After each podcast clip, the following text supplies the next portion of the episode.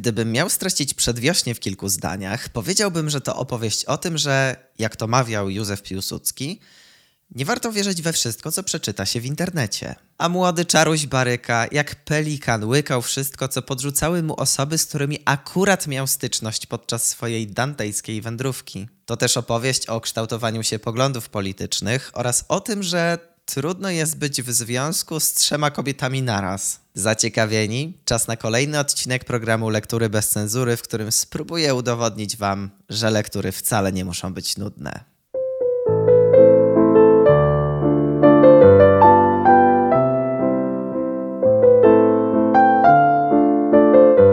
Zanim przejdziemy do konkretów, chciałbym Was o coś poprosić. Jeśli spodoba się Wam to opracowanie i uznacie je za pomocne, prześlijcie je swoim znajomym, którzy też mogliby z niego skorzystać. Możecie też dać łapkę w górę czy zostawić subskrypcję, bo to daje mi motywację do nagrywania kolejnych filmów i podcastów.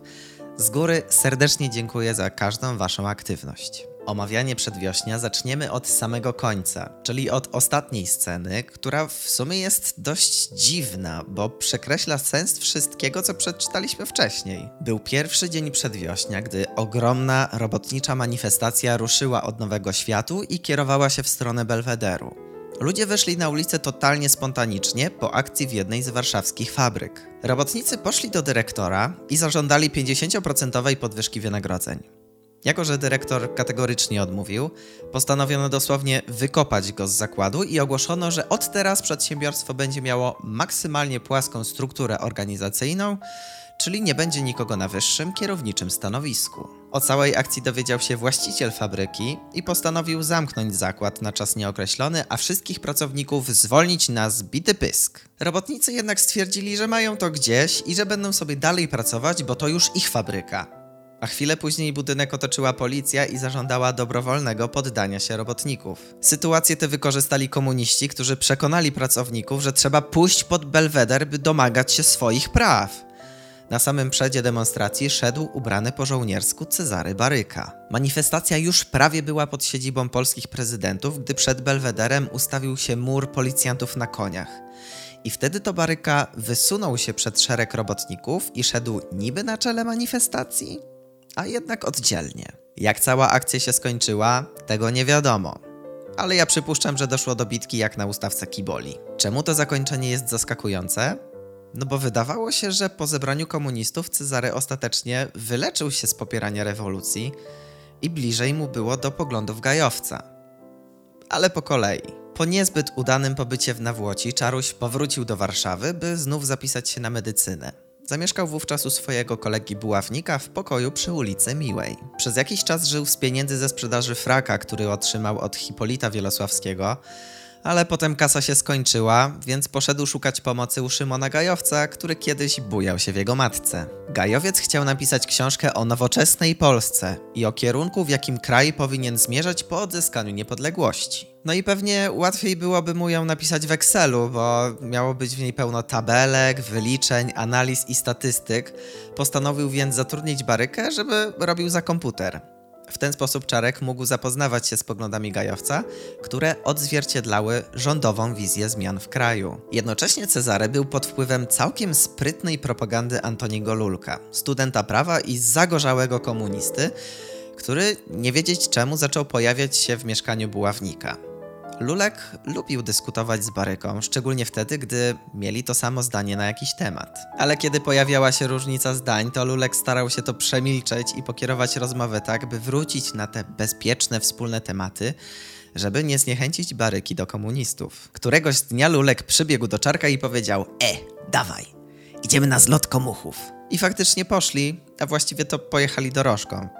Większość osób przybyłych na ten wiec stanowili ludzie prości, ubrani jak robotnicy czy chłopi.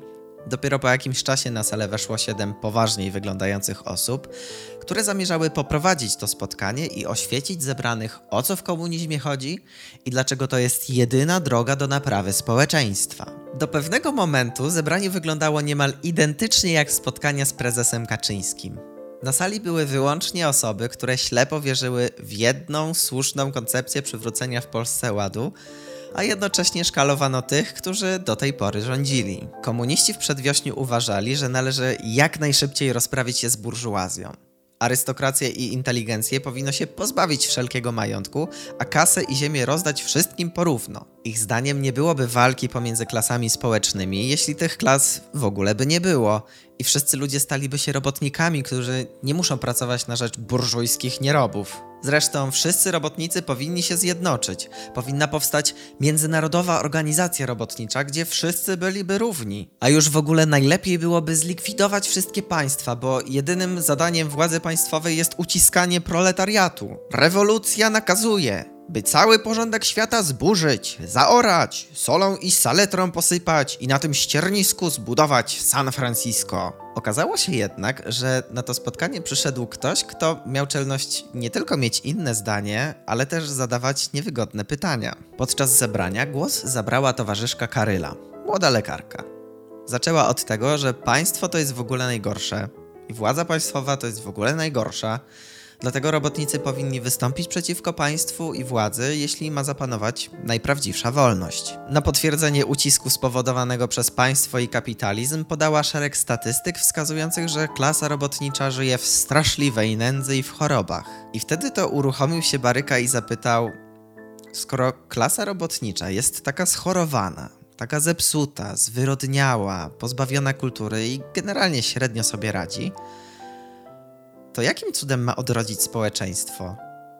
Może właśnie lepiej by było, żeby tym impulsem do rozwoju było państwo? No i jak na każdym tego typu spotkaniu osób wyznających jedną ideologię, głos przeciwny wywołał gigantyczne poruszenie. A to mówili, że odkąd Polska odzyskała niepodległość, to inne narody są strasznie uciemiężone a to, że krążą słuchy, że cała polska policja stosuje paskudne tortury na więźniach robotnikach. Nawet Lulek zaczął najeżdżać na czarka, że nagle stał się wielkim patriotą i zaraz poleci do wujcia Gajowca, żeby się poskarżyć. I faktycznie Baryka musiał iść tego dnia do Gajowca do pracy. Miał nadzieję, że go nie zastanie, ale skoro jednak zastał, to Czarek skorzystał z okazji, by parę rzeczy mu wygarnąć. Zaczął od razu z grubej rury i zapytał, czemu nie dacie ziemi ludziom, którzy jej nie mają. Gajowiec odpowiedział, że no państwa nie stać na jej wykup. I wtedy to Baryka uruchomił się już w pełni. Zarzucił Gajowcowi, że boi się podpaść arystokracji, która od setek lat żeruje na biednych ludziach, że powinno się zburzyć stary porządek i zbudować coś nowego, że trzeba kurde zacząć działać teraz, natychmiast. A Gajowiec na to, że to trzeba usiąść, na spokojnie, przemyśleć wszystko, policzyć sobie i dopiero coś przedsięwziąć. Owszem, no może dobrze byłoby zrobić reformę agrarną czy walutową, no ale pomału, no nie wszystko naraz. Słuchaj młody, teraz najważniejsze jest wzmocnić państwo na tyle, żeby było się w stanie obronić. Skoro wywalczyliśmy tę niepodległość, no to głupio byłoby ją stracić. Także spokojniutko, wszystko w swoim czasie. Ogarniemy jedną sprawę, to zajmiemy się drugą. No jakoś to będzie. I wydawać by się mogło, że Czarkowi bliżej do poglądów gajowca, bo sam kierunek zmian był słuszny, tylko tempo było zbyt wolne. No a poza tym komuniści trochę go wyśmiali i skompromitowali. A mimo to w ostatniej scenie Baryka idzie ramię w ramię z Lulkiem w pochodzie, który idzie na Belweder, najpewniej po to, by spróbować obalić prezydenta i przekazać władzę w ręce robotników. Czyli co, to Czarek jednak popierał rewolucję? Taką tezę wysnuło całkiem sporo czytelników, publicystów i krytyków niedługo po wydaniu powieści. Na przykład w sowieckich gazetach rozpisywano się o tym, że Żeromski nawrócił się na komunizm, a przedwiośnie jest niczym innym jak pochwałą rewolucji społecznej i krytyką wojny polsko-bolszewickiej. Co ciekawe, już w 1925 roku, czyli niedługo po wydaniu przedwiośnia, w Związku Radzieckim ukazało się aż sześć różnych przekładów tej powieści, a do każdego z nich dopisano wstęp wyjaśniający w jaki sposób powinno się ją rozumieć. Niewiele się przez te 100 lat w Rosji zmieniło, co nie? I chociaż z czasem zaczęto dostrzegać, że komunizm nie jest tam aż tak cudownie przedstawiony, to jednak po II wojnie światowej komunistyczne władze bardzo chętnie dodały przedwiośnie do kanonu lektur szkolnych, oczywiście wciskając uczniom jedyną słuszną interpretację powieści. Brzmi całkiem znajomo, co nie? A co autor tak naprawdę miał na myśli? No, tak się składa, że Akurat w tym przypadku możemy się tego dowiedzieć. Po wydaniu Przedwiośnia tak bardzo najeżdżano na Żeromskiego, że ten postanowił odnieść się do krytyki i zarzutów w 1925 roku w artykule zatytułowanym W odpowiedzi arcybaszewowi i innym. Parafrazując delikatnie słowa Żeromskiego, pisarz stwierdził, że chyba pogrzało tych, którzy uważają Przedwiośnie za pochwałę rewolucji.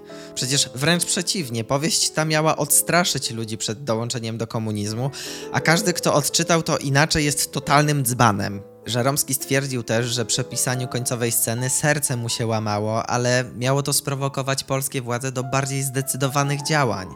Chciał przestrzec, że jeśli reformy w Polsce będą szły tak powoli, to młodzi ludzie uwierzą bolszewikom, a wtedy zrobi się bardzo nieprzyjemnie. O tym, że budowanie dobrobytu nowo powstałego państwa polskiego idzie jak krew z nosa, Żeromski przekonał się na własnej skórze. Już od 1918 roku jeździł po całym kraju i tworzył reportaże o tym, co w Polsce nie działa i co należałoby zmienić. Przede wszystkim zauważył generalne zacofanie i beznadziejną sytuację materialną chłopstwa, a tym samym domagał się jak najszybszego ogarnięcia tej kwestii. Tymczasem kolejne lata mijały, a nowe polskie władze niewiele w tej kwestii zrobiły. Dlatego Żeromski postanowił zmienić pierwotną koncepcję swojej powieści. Pierwsza część przedwiośnia, do momentu śmierci matki Cezarego, powstała wiosną 21 roku i miała pokazać, jakie fatalne skutki może przynieść rewolucja bolszewicka. Rok później Żeromski napisał drugą część, czyli Miłosne perypetie Baryki. W 24 roku powstała trzecia część skupiająca się na stosunkach społecznych pomiędzy chłopami i arystokracją oraz oceniająca programy polityczne różnych warszawskich środowisk. I dopiero wtedy przedwiośnie stało się opowieścią o gościu, który bezmyślnie uwierzyłby we wszystko, co przeczytałby w internecie. Jak już wiecie, głównym bohaterem przedwiośnia jest Cezary Baryka, Młody chłopak, początkowo mieszkający w Baku, nie mający praktycznie żadnych związków z Polską, no może poza tym, że jego rodzice stamtąd pochodzili. Czarek był najbardziej stereotypowym, jedynym dzieckiem bogatych rodziców, który miał szacunek jedynie do swojego starego, więc gdy Seweryna Barykę powołano do wojska po wybuchu I wojny światowej, to Czaruś poczuł się jak pies spuszczony ze smyczy, i zaczął odstawiać różne akcje. Na przykład przestał chodzić do szkoły, a jak kiedyś dyrektor wyhaczył go na ulicy i zapytał o powody nieobecności,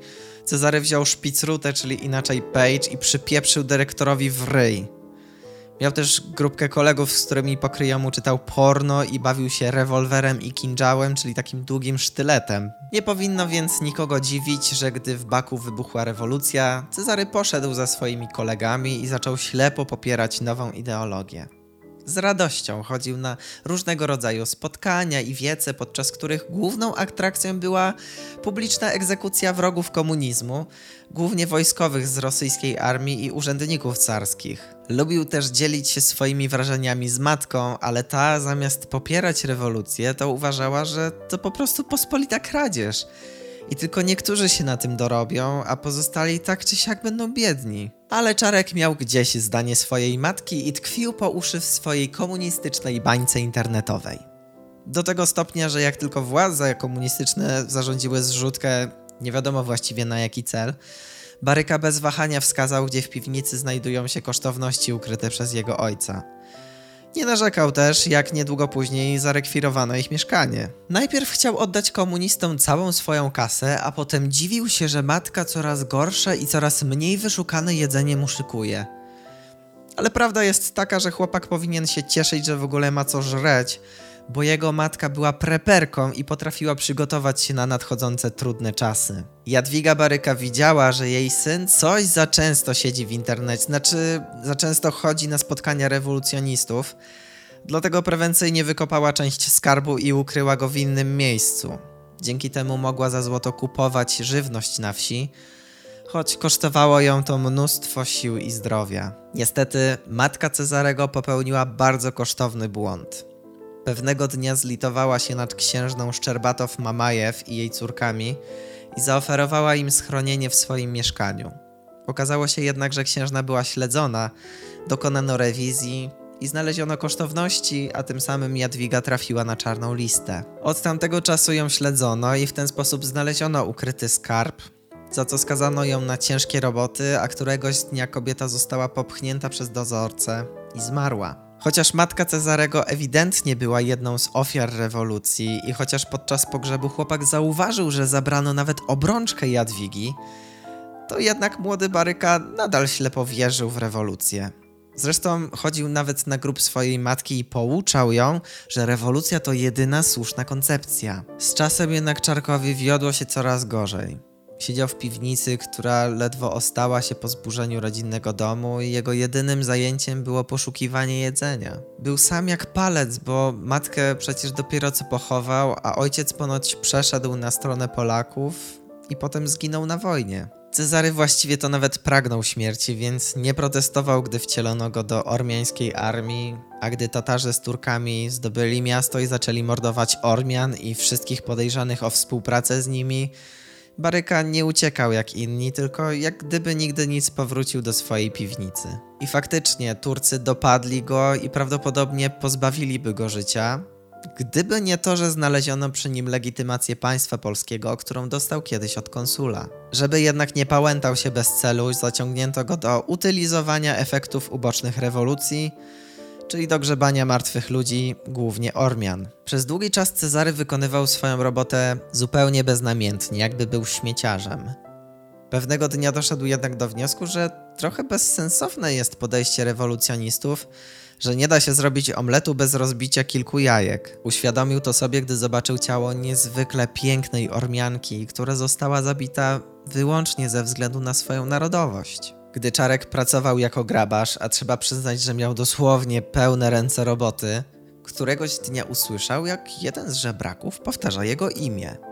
Dopiero po chwili rozpoznał w nim swojego ojca Seweryna, który udawał osobę chorą psychicznie, żeby nikt inny go w baku nie rozpoznał. Stary Baryka próbował przekonać syna, że nic ich już tu nie trzyma i najlepiej byłoby pojechać do Polski, zahaczając jedynie o Moskwę, bo tam znajdowała się walizka pełna skarbów. Jak już zdążyliśmy się przekonać, Cezary Baryka był niezdecydowany jak każda starsza pani w mięsnym, i ślepo podążał za tym, co powiedzieli mu inni. Dlatego jak ojciec powiedział, że trzeba jechać do Polski, to wziął i pojechał.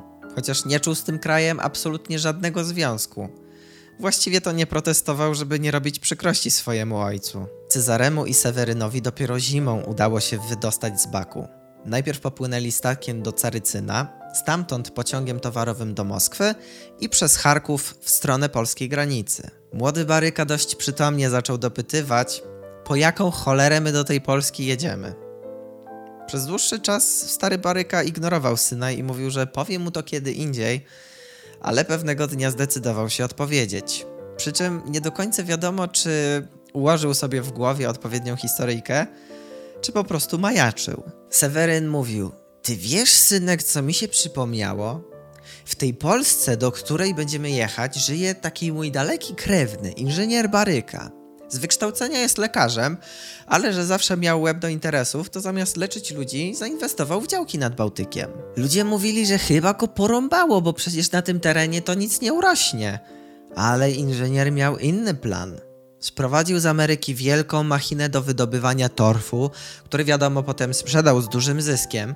Ale to był dopiero początek, bo pod warstwą torfu był najczystszy na świecie piasek. No i słuchaj, synek, ten nasz krewny z tego piasku zaczął po kosztach wytwarzać bardzo wytrzymałe szkło, a z tego szkła w Polsce buduje się domy czyste, hipoalergiczne, tanie w budowie i utrzymaniu.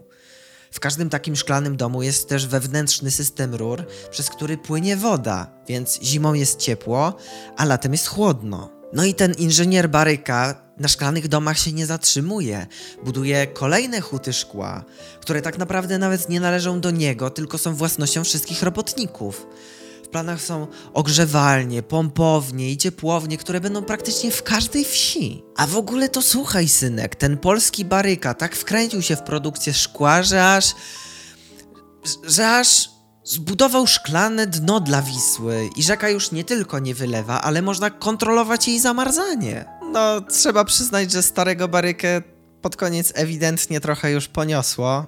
Jednak historia opowiedziana przez Seweryna miała dwa cele. Po pierwsze, przekonać Cezarego, że jedyną słuszną rewolucją jest rewolucja techniczna, która w przeciwieństwie do rewolucji bolszewickiej przyniesie jakikolwiek progres. A po drugie, przekonać Cezarego, że naprawdę warto jechać do Polski, bo za chwilę będzie to kraina mlekiem i miodem płynąca. Dopiero po przekroczeniu granicy okazało się, że ojcowska historia była całkowicie zmyślona i była jedynie upiększaniem szarej, smutnej rzeczywistości. Po bardzo długich wojażach Czarek samotnie dotarł do Polski i to pomimo tego, że jego ojciec zmarł i nie doczekał powrotu do ojczyzny. Młody Baryka nie rzucił się jednak do całowania słupów granicznych tak jak pozostali Polacy, tylko rozglądał się po okolicy i szukał tych nowoczesnych szklanych domów. I wtedy to przekonał się, że opowiedziana przez ojca wizja nowoczesnej Polski była jak najpiękniejsze zdjęcia na Instagramie, które jednak nie mają zbyt wiele wspólnego z rzeczywistością. Przygranicznym miasteczku żyli ludzie biedni, mieszkający w rozsypujących się domach z dziurawymi dachami. Poza tym właśnie było przedwiośnie, więc roztopiony śnieg zamienił się w błoto, choć gdzie niegdzie już było widać młodą trawkę i pierwsze kwiaty. W ogóle praktycznie wszystkie ważne wydarzenia dzieją się właśnie wczesną wiosną. Niby to nic odkrywczego, skoro powieść Żeromskiego nazywa się Przedwiośnie, Warto jednak wiedzieć, że chodzi nie tylko o określenie czasu akcji, ale przede wszystkim o znaczenie symboliczne. Przedwiośnie jest jedną z ośmiu fenologicznych pór roku. W zależności od pogody i temperatur zaczyna się w lutym lub marcu i trwa mniej więcej do początku kwietnia. Wtedy to po spoczynku zimowym wegetację rozpoczynają pierwsze rośliny, m.in. leszczyny, olsze, przebiśniegi, zawilce czy krokusy. I chociaż warunki termiczne nie są jeszcze idealne, to jednak przedwiośnie zapowiada, że już niedługo cała przyroda całkowicie się przebudzi. I analogicznie Polska przez 123 lata zaborów była jakby w śnie zimowym. A pierwszych kilka lat niepodległości to jakby metaforyczne przedwiośnie, o czym zresztą mówi sam Gajowiec. Po tak długim czasie trudno oczekiwać, że wszystko od razu będzie wspaniale i cudownie, bo potrzeba powolnej i systematycznej pracy, która stopniowo poprawi sytuację polityczną i gospodarczą Polski. Nic też dziwnego, że komunistyczna manifestacja ma miejsce właśnie podczas przedwiośnia. Jej uczestnicy, w tym także Baryka, chcą natychmiastowego działania, żeby metaforyczna wiosna przyszła jak najszybciej. Tytuł powieści można też odnieść do samego głównego bohatera.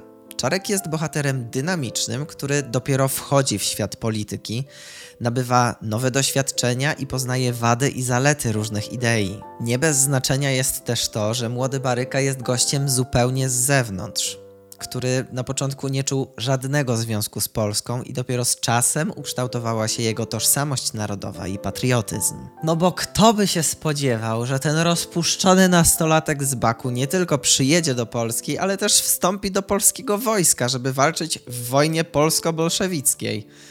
Chociaż prawdę mówiąc, zrobił to nie z wielkiej miłości do ojczyzny, ale dlatego, że wszyscy jego koledzy ze studiów poszli w kamasze, a Czarek po prostu nie chciał być gorszy. Jak się okazało, Baryka był naprawdę w porządku żołnierzem. Wszyscy go chwalili i mogli na niego liczyć. Któregoś razu Cezary spostrzegł, że coś dawno nie widział Hipolita Wielosławskiego, więc poszedł go poszukać. Intuicja go nie myliła. Hipolit został pobity i poharatany przez bolszewików w potyczce w okolicach Łysowa i pewnie by zginął, gdyby nie pomoc Baryki. Od tamtej pory zakumplowali się na tyle, że po wojnie Hipolit zaprosił Czarka do rodzinnego dworku w Nawłoci pod Częstochową. I właśnie podczas pobytu w Nawłoci okazało się, że Czarek jest kozakiem w necie, a frajerem w świecie. Jak już wiemy, Baryka od samego początku był wielkim fanem rewolucji. I nie zmieniło tego ani przeżycie piekła w Baku, ani to, że walczył z bolszewikami po stronie Polaków. Dalej był przekonany, że trzeba jak najszybciej zmienić porządek świata, a chłopi i robotnicy powinni się zbuntować, pozbawić arystokrację władzy, a ich majątki zarekwirować i rozdać wszystkim porówno. Gdyby Czarek był internetowym trolem, to pod każdym artykułem politycznym pisałby, że wyzysk powinien się skończyć, że nie może być tak, że jedni pracują na rzecz innych, a tamci uprzywilejowani tylko się bawią i całą tę kasę przejadają i przepijają. No tylko, że rewolucyjny zapał Czarusia szybko został stłumiony, gdy zaznał sielskiego i wygodnego dworskiego życia. Spał do późna, Chodził na długie spacery, jeździł z innymi na przejażdżki, grał sobie w karty czy w szachy, a w międzyczasie co chwilę podawano mu jakieś jedzenie. Były też większe akcje, jak choćby segregowanie jabłek, czy organizacja i uczestniczenie w balu. Innymi słowy, śmiechom i zabawom nie było końca. Fajnie się Czarusiowi żyło, tak miło, przyjemnie i niezbyt produktywnie. Ale trzeba mu oddać, że ta sielanka nie zabiła w nim jednak rewolucjonisty. W przerwach pomiędzy nic nie robieniem a odpoczywaniem od nic nie robienia, młody Baryka chodził oglądać chłopów pracujących na rzecz Wielosławskich, czy to w Nawłoci, czy w Chłodku. I jak tak patrzył na ich biedę, na zacofanie, na to, że właściwie żyli jak zwierzęta, to strasznie się w chłopaku gotowało, że aż pragnął wstrząsnąć chłopami, żeby zbuntowali się przeciwko swoim panom. Ale potem wracał do Nawłoci i dalej chillaucik i bałamucenie kobiet. Bo musicie wiedzieć, że Czaruś, będąc w Nawłoci, uczestniczył w miłosnym czworokącie albo nawet pięciokącie, to zależy jak to liczyć. Wiem, brzmi to trochę jak odcinek trudnych spraw, ale spróbuję wam to jakoś opowiedzieć. Koło Cezarego kręciły się trzy dziewczyny. Karolina Szarłatowiczówna, krewna Wielosławskich, która w wyniku rewolucji straciła majątek na Ukrainie. Wanda Okrzyńska, czyli 16-letnia dziewczyna, która może i była uzdolniona muzycznie, ale nie umiała tabliczki mnożenia. Oraz Laura Kościeńska, wdowa i właścicielka sąsiedniego majątku ziemskiego. Przez dość długi czas wydawało się, że Cezaremu najbliżej było do panny Karoliny. Całkiem dobrze się im gawędziło. Podczas bitwy na jabłka Czarek niby to przypadkiem był blisko dziewczyny i troszeczkę ją obłapywał. Nawet raz zdarzyło mu się widzieć Karolinę w samej koszuli nocnej. Wreszcie któregoś razu w przypływie chwili nawet się pocałowali. Pocałunek ten podejrzała młodziutka Wandzia i od razu postanowiła pozbyć się potencjalnej konkurentki – no i to najprawdopodobniej ona stała za otruciem Karoliny, choć ani się do tego nie przyznała, ani nie znaleziono odpowiednio twardych dowodów na jej winę. Tyle, że dla Cezarego ten pocałunek właściwie nic nie znaczył, bo najbardziej to jednak odpowiadała mu Laura. Jako, że Kościeńska organizowała bal charytatywny, a Czaruś chętnie pomagał załatwiać dla niej różne sprawy, to spędzali ze sobą sporo czasu i w końcu doszło między nimi do miłosnego uniesienia w karecie. Problem w tym, że Laura miała w tym czasie narzeczonego. To znaczy przez długi czas to w ogóle nie był dla nich problem, bo Baryka zakradał się do Leńca nocami, kiedy Władysław Barwicki wyjeżdżał w delegację. Ale któregoś razu narzeczony Laury wrócił cichaczem do Leńca i przyłapał Cezarego, gdy ten zakradał się do biblioteki. Doszło między nimi do bójki, a na dodatek wmieszała się w to wszystko Laura – Najpierw udawała, że Czarek przypałętał się nieproszony, a potem stanęła po stronie Barwickiego, więc Baryka w przypływie emocji stwierdził, że najlepiej będzie zdzielić swoją kochankę w łeb. Na tym nocne schadzki się skończyły. Niedługo później Laura wyszła za Barwickiego, a Czarek przez chwilę mieszkał w Chłodku, a potem postanowił wrócić do Warszawy, by zapomnieć o Laurze i o wszystkim, co działo się w Nawłoci. Ale czy na pewno? Któregoś marcowego dnia Baryka niespodziewanie otrzymał list od Laury, że ta akurat jest w Wawce i czy nie chciałby się z nią może spotkać przy fontannie w Ogrodzie Saskim? I faktycznie spotkali się i nawet wyznali sobie miłość. Tyle, że dla Laury było to spotkanie pożegnalne. Wygarnęła chłopakowi, że gdyby nie ta bójka z Barwickim, to może udałoby się jej jakoś wykaraskać z tego związku i być z Cezarym ale po czymś takim to musiała bronić swojego honoru i wyjść za Władysława. Już zupełnie nic się nie da z tym zrobić. Jak na to zareagował Czaruś? Najpierw się roześmiał, a potem sobie poszedł, nie odwracając się nawet na moment. Jest całkiem prawdopodobne, że właśnie to ostatnie spotkanie z Laurą sprawiło, że Czarek dostrzegł obłudę arystokracji i w przypływie emocji powrócił do komunistów, a potem szedł razem z nimi na Belweder. I tak oto prezentuje się droga Cezarego, która tak właściwie ma sporo wspólnego z boską komedią Dantego. Można powiedzieć, że Baryka najpierw przeżył piekło, gdy rewolucja wkroczyła do Baku, a potem trafił do nieba, gdy beztrosko korzystał z uroków dworskiego życia. Miał też możliwość odpokutowania swoich win niczym w czyśćcu, między innymi walcząc w polskiej armii czy starając się poprawić byt ludzi w chłodku. Czy czytając przedwiośnie dziś można wyciągnąć coś więcej niż tylko opis historii Polski po odzyskaniu niepodległości? Moim zdaniem przedwiośnie to opowieść po pierwsze o tym, jak duży wpływ na nasze działania i poglądy ma środowisko, w którym akurat się obracamy, a po drugie, że każda ideologia ma jakieś wady, więc nie warto ślepo wierzyć we wszystko, co serwują nam politycy. Dajcie znać w komentarzach, dlaczego Waszym zdaniem niektórzy ludzie często są zapatrzeni w liderów politycznych i bezmyślnie wierzą we wszystko, co im powiedzą. A potem sięgnijcie po przedwiośnie i spróbujcie zrozumieć, dlaczego Cezary Baryka jednak wybrał drogę rewolucji. Nie zapomnijcie też podzielić się tym opracowaniem z innymi, dać łapkę w górę i zasubskrybować ten kanał, bo kolejne filmy już niebawem.